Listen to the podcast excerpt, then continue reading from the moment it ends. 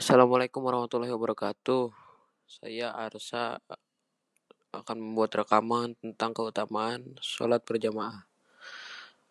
Keutamaan sholat berjamaah di antaranya mendapatkan pahala 27 derajat,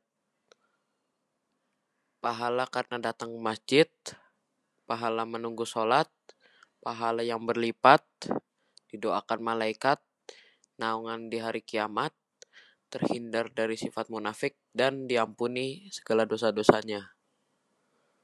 Sekian dari saya. Assalamualaikum warahmatullahi wabarakatuh.